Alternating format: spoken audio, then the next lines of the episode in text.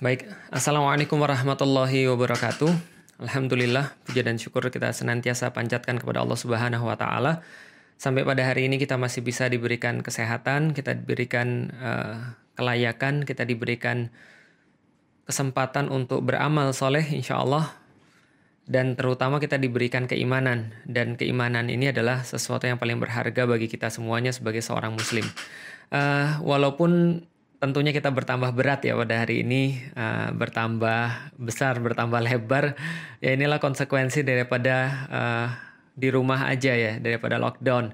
Kalau istri sudah masak itu rasanya akan sangat sulit untuk bisa menolak masakan istri dan itu adalah sesuatu yang lumrah ya saya pikir sesuatu yang biasa Nah, hari ini teman-teman sekalian saya akan live dalam waktu kurang lebih 20 menit. Uh, kenapa? Karena coba ini adalah live sekaligus ngerekam di saat yang sama dan kita berharap ada kebaikan daripada rekaman ini yang nanti bisa di-share kepada teman-teman yang lain.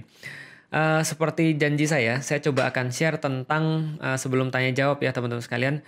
Uh, saya akan coba share tentang mencari pasangan ya. Jadi sesuatu yang sangat sering ditanya oleh teman-teman sekalian. Bagaimana cara kita untuk mencari satu orang pasangan? Sebelum saya berbicara tentang pasangan, saya coba akan sedikit cerita tentang mencari kayu di hutan. Jadi gini teman-teman sekalian, uh, ada seseorang yang ketika itu dia diminta untuk mencari kayu bakar, nggak kayu bakar lah, yang mencari kayu. Dan dia diminta masuk ke hutan dan disuruh untuk mencari kayu dan aturannya cuma satu kamu cuma boleh berjalan maju ke depan dan nggak boleh mundur lagi ke belakang. Itu syaratnya satu-satunya. Jadi kalau seandainya dia itu dapat kayu, sudah dapat satu kayu dan dia nggak boleh lagi mundur ke belakang. Dia harus tetap maju terus dan nggak boleh mundur. Aturannya cuma satu ya. Masuk ke hutan, lalu kemudian ambil kayu yang paling bagus menurutmu, tapi kamu tidak boleh lagi balik ke belakang. Kamu tetap harus jalan ke depan. Dan hutan itu ya ada awalnya pasti ada akhirnya. Dan dia harus mencari kayu sekali lagi yang paling baik dan yang paling bagus. Oke teman sekalian. Apa yang terjadi? Yang terjadi adalah seorang laki-laki ini ketika dia masuk ke hutan, dia jalan, lalu kemudian dia cari kayu. Dia dapat satu kayu. Dan kayu ini bagus banget. Dia lihat, wah ini kayu ini bagus nih. Apa pikiran dia? Pikiran dia adalah, kayaknya di depan ada kayu yang lebih bagus nggak apa-apa ini baru mulai baru awal. Nanti di depan ada kayu yang lebih bagus sayang nanti kalau aku dapat kayu yang bagus aku akan nyesal setelah itu dia tinggalkan kayu tadi karena aturannya dia cuma boleh ngambil satu kayu dan uh, cuma cuma boleh maju ke depan dan nggak boleh mundur lagi akhirnya dia maju lagi. Setelah dia maju lagi dia lihat lagi kayu lebih bagus lagi. Wah ini kayunya lebih bagus lebih mulus lebih keren lebih indah tapi ini kan baru belum juga setengah jalan. Nantilah di depan kayaknya pasti ada kayu yang lebih bagus lagi. Akan ada kayu lagi lagi yang menanti yang lebih bagus. Akhirnya dia tetap maju lagi. Dan benar, pertengahan jalan dia temukan kayu yang lebih bagus lagi, bentuknya lebih bagus, lebih uh, lebih cerah warnanya, lalu kemudian uh, secara kekerasan lebih keras daripada kayu yang uh, di awal-awal tadi. Maka dia bilang, "Wah, aku dapat kayu ini, apa aku ambil aja ya?" Lalu kemudian dia pikir, kalau seandainya trennya kayak begini nih, jadi kalau trennya adalah ada kayu yang lebih bagus, sorry ada kayu bagus, ada kayu yang lebih bagus lagi, ada kayu yang lebih bagus lagi, ada kayu yang lebih bagus lagi, kayaknya di depan ini mesti ada kayu yang lebih bagus lagi. Dan ternyata betul, dia dapat kayu yang lebih bagus dan dia berharap di depan dia akan mendapatkan kayu yang lebih bagus lagi, dia tinggalin kayu yang tadi, akhirnya dia jalan, jalan lagi, tanpa terasa dia sudah hampir sampai ke ujung. Lalu kemudian dia dapat satu kayu, ternyata kayunya nggak sebagus yang dia temukan di tengah tadi. Kayunya mungkin lebih retas, eh, lebih getas, lebih kemudian gelap warnanya, dan mungkin nggak seperti yang dia bayangkan. Dia pikir, harusnya aku ambil yang tadi. Tapi nggak apa-apa, daripada aku ambil yang ini, ini downgrade. Lebih baik aku cari yang di depan lagi. Akhirnya dia cari yang di depan lagi, dia dapat kayu yang bagus lagi, dan dia bilang, tapi ini bagus sih, tapi nggak sebagus yang di tengah. Aku akan cari kalau aku yang dapat di tengah, aku akan langsung untuk ambil lalu kemudian keluar daripada hutan ini. Dia tinggalin lagi dan dia jalan. Terus menerus begitu, ternyata apa yang terjadi sampai dia keluar daripada hutan tadi, dia tidak mendapatkan kayu satupun yang dia bisa bawa ke rumahnya. Ini kayak apa sih? Ini kayak orang yang ketika dia mau nikah, tapi dia nggak ngerti kenapa dia mau nikah. Ini yang saya maksud dengan orang-orang yang nggak ngerti tujuan dia nikah itu apa. Karena itulah dia bingung, karena itulah dia mungkin uh, berada dalam dalam satu apa ya, dalam satu keadaan di mana dia ini iya nggak ya? Aku harus nggak nih? Ini terima nggak ya? Ini ditolak atau nggak nih? Atau seperti apa nih? Ini yang saya bilang orang yang kayak ibarat nyari kayu dan dia terus-menerus berpikir nanti di depan ada yang lebih baik. Nanti di depan ada yang lebih baik. Nanti di depan dia pikir di belakang coba aku ambil. Hidupnya akan penuh dengan penyesalan dan hidupnya akan penuh dengan harapan-harapan yang nggak pasti. Karena manusia itu senantiasa berada di antara dua, antara harapan dan antara penyesalan. Nah, bagaimana supaya kita ini tetap punya harapan?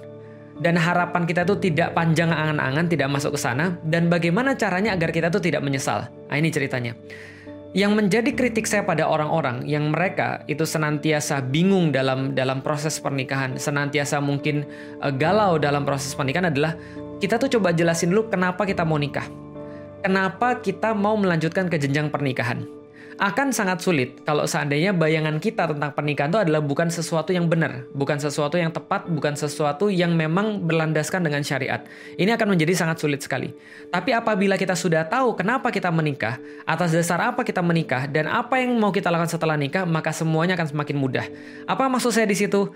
kejadian or kayak orang yang nyari kayu di hutan tadi nggak akan pernah terjadi kalau Anda benar-benar paham tentang kenapa Anda nikah dan untuk apa nikah itu. Jadi membayangkan nikah itu untuk apa? Dengan itu semuanya, maka teman-teman akan sudah punya yang namanya karakteristik yang diperlukan. Contoh misalnya, saya secara pribadi misalnya, saya pernah bilang sama Umu Alila, kalau seandainya saya nyari kamu, saya nikahin kamu, mungkin gara-gara fisik. Mungkin sekarang saya akan menyesal. Kenapa? Akan banyak fisik yang lebih baik daripada istri kita. Kenapa bisa begitu? Ya rumput tetangga senantiasa lebih hijau. Karena yang namanya cantik itu kan bukan hanya berdasarkan fisik, tapi berdasarkan perasaan, berdasarkan penasaran dan seterusnya. Akan ada yang lebih baik, akan ada yang lebih bagus. Kalau saya nikahi dia karena fisik, mungkin saya sekarang merasa menyesal. Lalu kemudian berpikir, kenapa saya nggak sama ini aja ya? Coba dulu saya belum nikah, mungkin saya bisa sama ini. Kenapa? Karena dia nggak punya karakteristik yang dia inginkan. Dia nggak punya uh, apa namanya orang yang dia yang dia jadikan sebagai standar ketika dia mau nikah? Apa keinginan dia ketika nikah? Saya nikah sama istri saya bukan karena itu semua. Saya nikah sama istri saya jelas. Kenapa? Karena saya menginginkan seorang seorang perempuan yang bisa mendukung saya di dalam dakwah dan dia bisa menjadi ibu daripada anak-anak saya. That's enough. Itu yang saya inginkan. Jadi ketika saya ditanya pada diri saya uh, saya saya ditanya sama orang lain atau saya bertanya pada diri saya sendiri, untuk apa sih kamu nikah? Saya nikah untuk dakwah. Maka yang saya perlukan untuk dakwah adalah satu orang yang mau mendukung saya di dalam dakwah saya, dua orang yang bisa mengurusi anak-anak saya yang kelak nanti akan meneruskan langkah-langkah dakwah saya. Ini yang saya perlukan dan ini yang saya cari. Maka ketika saya cari, lalu kemudian saya lihat ada orang yang cantik, ada orang yang kemudian sangat uh, playful, ada orang yang sangat-sangat uh, apa namanya, ya pokoknya seksi misalnya taruhlah dan segala macam. Saya bilang dalam diri saya, saya pengen dengan orang kayak begini, seksi, playful, putih, lalu kemudian apa namanya hidupnya main-main, kaya dan segala macamnya. Taruhlah misalnya ada yang kayak gitu yang mau sama saya, taruhlah gitu kan ya. Tapi saya pikir, iya ini kalau untuk diajak main ya mungkin iya, kalau untuk diajak pacaran mungkin iya. Tapi yang saya perlukan kan bukan pacaran. Yang saya perlukan adalah ibu daripada anak-anak saya. Makanya saya cari apa? Yang saya cari adalah orang-orang yang keibuan, yang punya rasa femini, feminitas yang tinggi, rasa keibuan yang tinggi saya bisa bayangin dia ketika jadi ibu daripada anak-anak saya. Maka kemudian saya nikahi istri saya yang sekarang, Umu Alila, karena saya punya standar seperti apa kehidupan saya ke depan. Apa yang saya cari ke depan. Ketika saya cari ke depan adalah orang-orang kayak begini, maka saya nggak perlu yang lain selain apa yang saya perlukan. Adapun kalau saya dapat yang cantik, yaitu adalah bonus ya kan laki-laki pasti nyari yang cenderung dong dan yang cenderung itu kan termasuk secara wajah. Maka ketika saya ngelihat dia saya demen saya ngelihat dia saya tenang saya ngelihat dia saya senang itu cukup bagi saya. Sakinah bagi saya selesai. Saya nggak perlu lagi yang lain. Contoh misalnya tingkat keputihan segini ya nggak perlu. E, makanya istri saya nggak putih dan bagi saya nggak ada masalah. Dan saya nggak pernah menyesali sampai hari ini ketika nggak milih eh, nggak milih istri yang putih. Kenapa? Karena saya nggak mau jadi seperti orang yang disuruh nyari kayu di hutan lalu kemudian dia maju terus maju terus untuk mengharapkan yang lebih baik, lalu kemudian di ujung dia berakhir dengan penyesalan. Dan ini banyak yang terjadi pada zaman sekarang. Seperti apa zaman sekarang yang terjadi? Nah, coba lihat teman sekalian. Ada orang-orang yang kadang-kadang ya, ketika misalnya contoh, ada seseorang yang datang pada dia, atau ada seseorang yang mengkhidbah dia, taruhlah dia seorang perempuan misalnya. Dia merasa, ah, nggak mau, ah, aku nggak mau kenapa? Karena aku sudah suka dengan seseorang misalnya. Aku cuma suka sama si, uh, sama si dia, dan aku mau dia untuk menjadi kemudian uh, menjadi kemudian pasangan saya. Pertanyaan saya, untuk apa anda menikah? Kenapa Anda nikah? Kenapa Anda harus kemudian mengalami jenjang pernikahan? Kalau untuk uh, ya ini karena dakwah, kenapa harus sama dia? Oh, karena dia memiliki kemudian kemampuan dengan Al-Quran. Kalau yang lain juga punya kemampuan Al-Quran, misalnya, apakah kita mau? Enggak, aku cuma maunya sama dia. Nah, ini berarti nafsu. Ini berarti bukan pertimbangan syariat. Bukan kemudian dia menginginkan satu fase yang berbeda untuk ketaatan kepada Allah. Ketaatan ini adalah seharusnya menjadi pertimbangan paling utama ketika seseorang mau menikah. Maka kadang-kadang ketika ada seorang ahwat nanya pada saya, Ustaz, kapan kita harus menerima seseorang? Kapan kita harus menolak seseorang? Kita harus menerima seseorang ya kalau dia sudah memenuhi standar yang kita perlukan untuk masa depan. Kalau memang cuma untuk dakwah, memang semuanya untuk lillahi ta'ala, maka ketika datang seorang laki-laki yang baik dan dia sudah ber, uh, sudah punya komitmen di dalam dakwah, sudah punya komitmen dalam ketaatan pada Allah, ya sudah nikahlah. Kan nggak perlu harus ideal. Nggak semua nggak semua yang kita inginkan harus jadi nyata. Nggak semua yang kita nggak semua yang kita mau harus kemudian terrealisasi. Tapi yang harus terrealisasi adalah apa yang kita niatkan di jalan Allah karena pernikahan adalah sebagai sebuah ibadah. Nah, jadi teman-teman sekalian, eh, apa yang menjadi kesimpulannya? Teman-teman harus tahu dulu nikahan untuk apa. Kalau teman-teman tahu nikah ini untuk apa, teman-teman tahu apa yang harus dilakukan setelah nikah, teman-teman tahu setelah nikah mau ngapain, maka tidak pernah akan ada kebingungan dalam menentukan siapa pasangan kita. Begitupun juga dengan seorang laki-laki. Ketika laki-laki itu tahu persis kenapa dia nikah, maka dia akan lepas daripada pertanyaan-pertanyaan yang nggak penting yang sering kali ditanyakan kepada saya. Ustadz, saya suka dengan seseorang, saya mau ngajak dia nikah, tapi dia non-muslim, gimana Ustadz? Ya tergantung antum nikahnya untuk apa.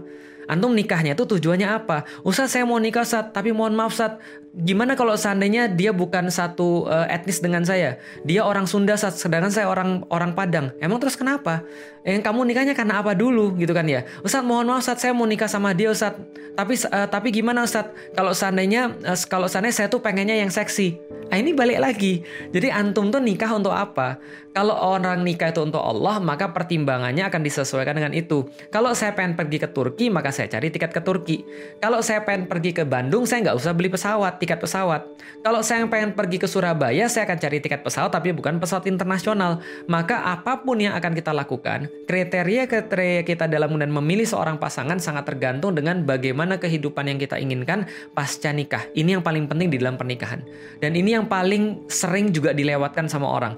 Tanpa kita sadari, walaupun seolah-olah kita merasa kita sudah ngaji, kita merasa kita sudah punya pandangan islami, kita merasa kita or or sudah orang dakwah, tapi kadang-kadang apa pun yang kita putuskan itu ternyata tidak berdasarkan apa yang dakwah perlukan, tapi berdasarkan mungkin hawa nafsu kita.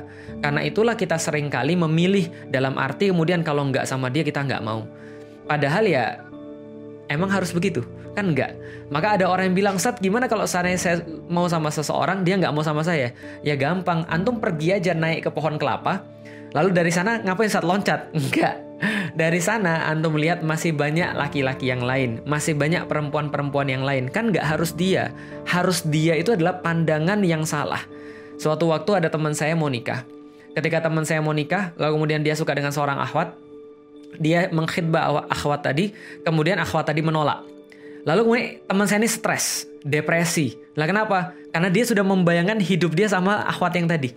Akhwat ini keren, akhwat ini cantik, akhwat ini cerah uh, kulitnya, lalu kemudian juga dari keluarga yang berada, jago lagi bahasa Arabnya, tapi dia nggak mau sama sama teman saya. Teman saya depresi. Teman saya kemudian bilang, tapi kan saya kan sudah berusaha untuk menikah karena Allah dan segala macamnya. Saya bilang, bro, kamu benar-benar nikah sama Allah atau tidak. Kenapa? Karena kalau kamu nikah sama Allah dan perempuan tuh nggak mau sama kamu, kamu nggak akan sesetres ini. Kenapa? Karena nggak kan nggak harus dia. Kata-kata harus dia, pokoknya harus dia, itu sudah tanda bahwa Anda tidak menikah karena Allah. Mohon maaf banget, tapi ini harus saya sampaikan. Juga sama seperti ada ada laki-laki kadang-kadang datang ke saya. Tiba-tiba kemudian bilang, "Ustaz, saya maunya sama perempuan yang ini." Dia cuma lihat fisiknya tiba-tiba dia menentukan bahwa dia harus sama perempuan ini dan dia nggak tahu tentang segala macam hal di belakangnya. Nah ini adalah menurut saya bagian daripada orang yang nggak siap untuk nikah sebenarnya. Kenapa? Karena itu bukan bukan siap nikah, bukan lillahi tapi nafsu. nafsu itu mudah sekali dengan mata. Tapi pertimbangan-pertimbangan yang lain itu harus bebas daripada nafsu. Saya nggak bilang bahwa antum nggak boleh cari yang cantik. Saya nggak bilang bahwa antum nggak boleh cari yang cakep saya nggak bilang antum nggak boleh cari orang-orang yang ideal. Ideal itu boleh, nggak ada masalah. Tapi ya kita harus tahu kapan kita harus bertahan dengan idealitas itu, kapan kita harus balik lagi pada standar kita itu adalah mencari kayu yang terbaik. Apa itu kayu yang terbaik? Kayu yang terbaik adalah kayu yang kita perlukan. bukan kayu yang harus memenuhi seluruh idealitas yang ada. Contoh misalnya, cari laki-laki. Apa ciri-ciri laki-laki yang kamu mau, Mbak? Seperti Rasulullah Muhammad. Oh ya semuanya juga mau gitu kan ya. Cuman masalahnya adalah bukan itu, tapi seberapa banyak laki-laki yang kayak Rasulullah Muhammad kan gitu kan ya. Ya sudah, gini aja yang kamu pikirin ke depan tuh maunya dakwanya kayak apa? Oke, saya mau dakwah sebagai seorang ibu rumah tangga. Yang ibu rumah tangga ini punya kerjaan-kerjaan adalah di bidang ini, ini, ini. Oke, carilah laki-laki yang bisa kemudian untuk uh, menerima itu. Carilah laki-laki yang bisa memenuhi kemudian dakwah-dakwah kita. Sama kayak laki-laki.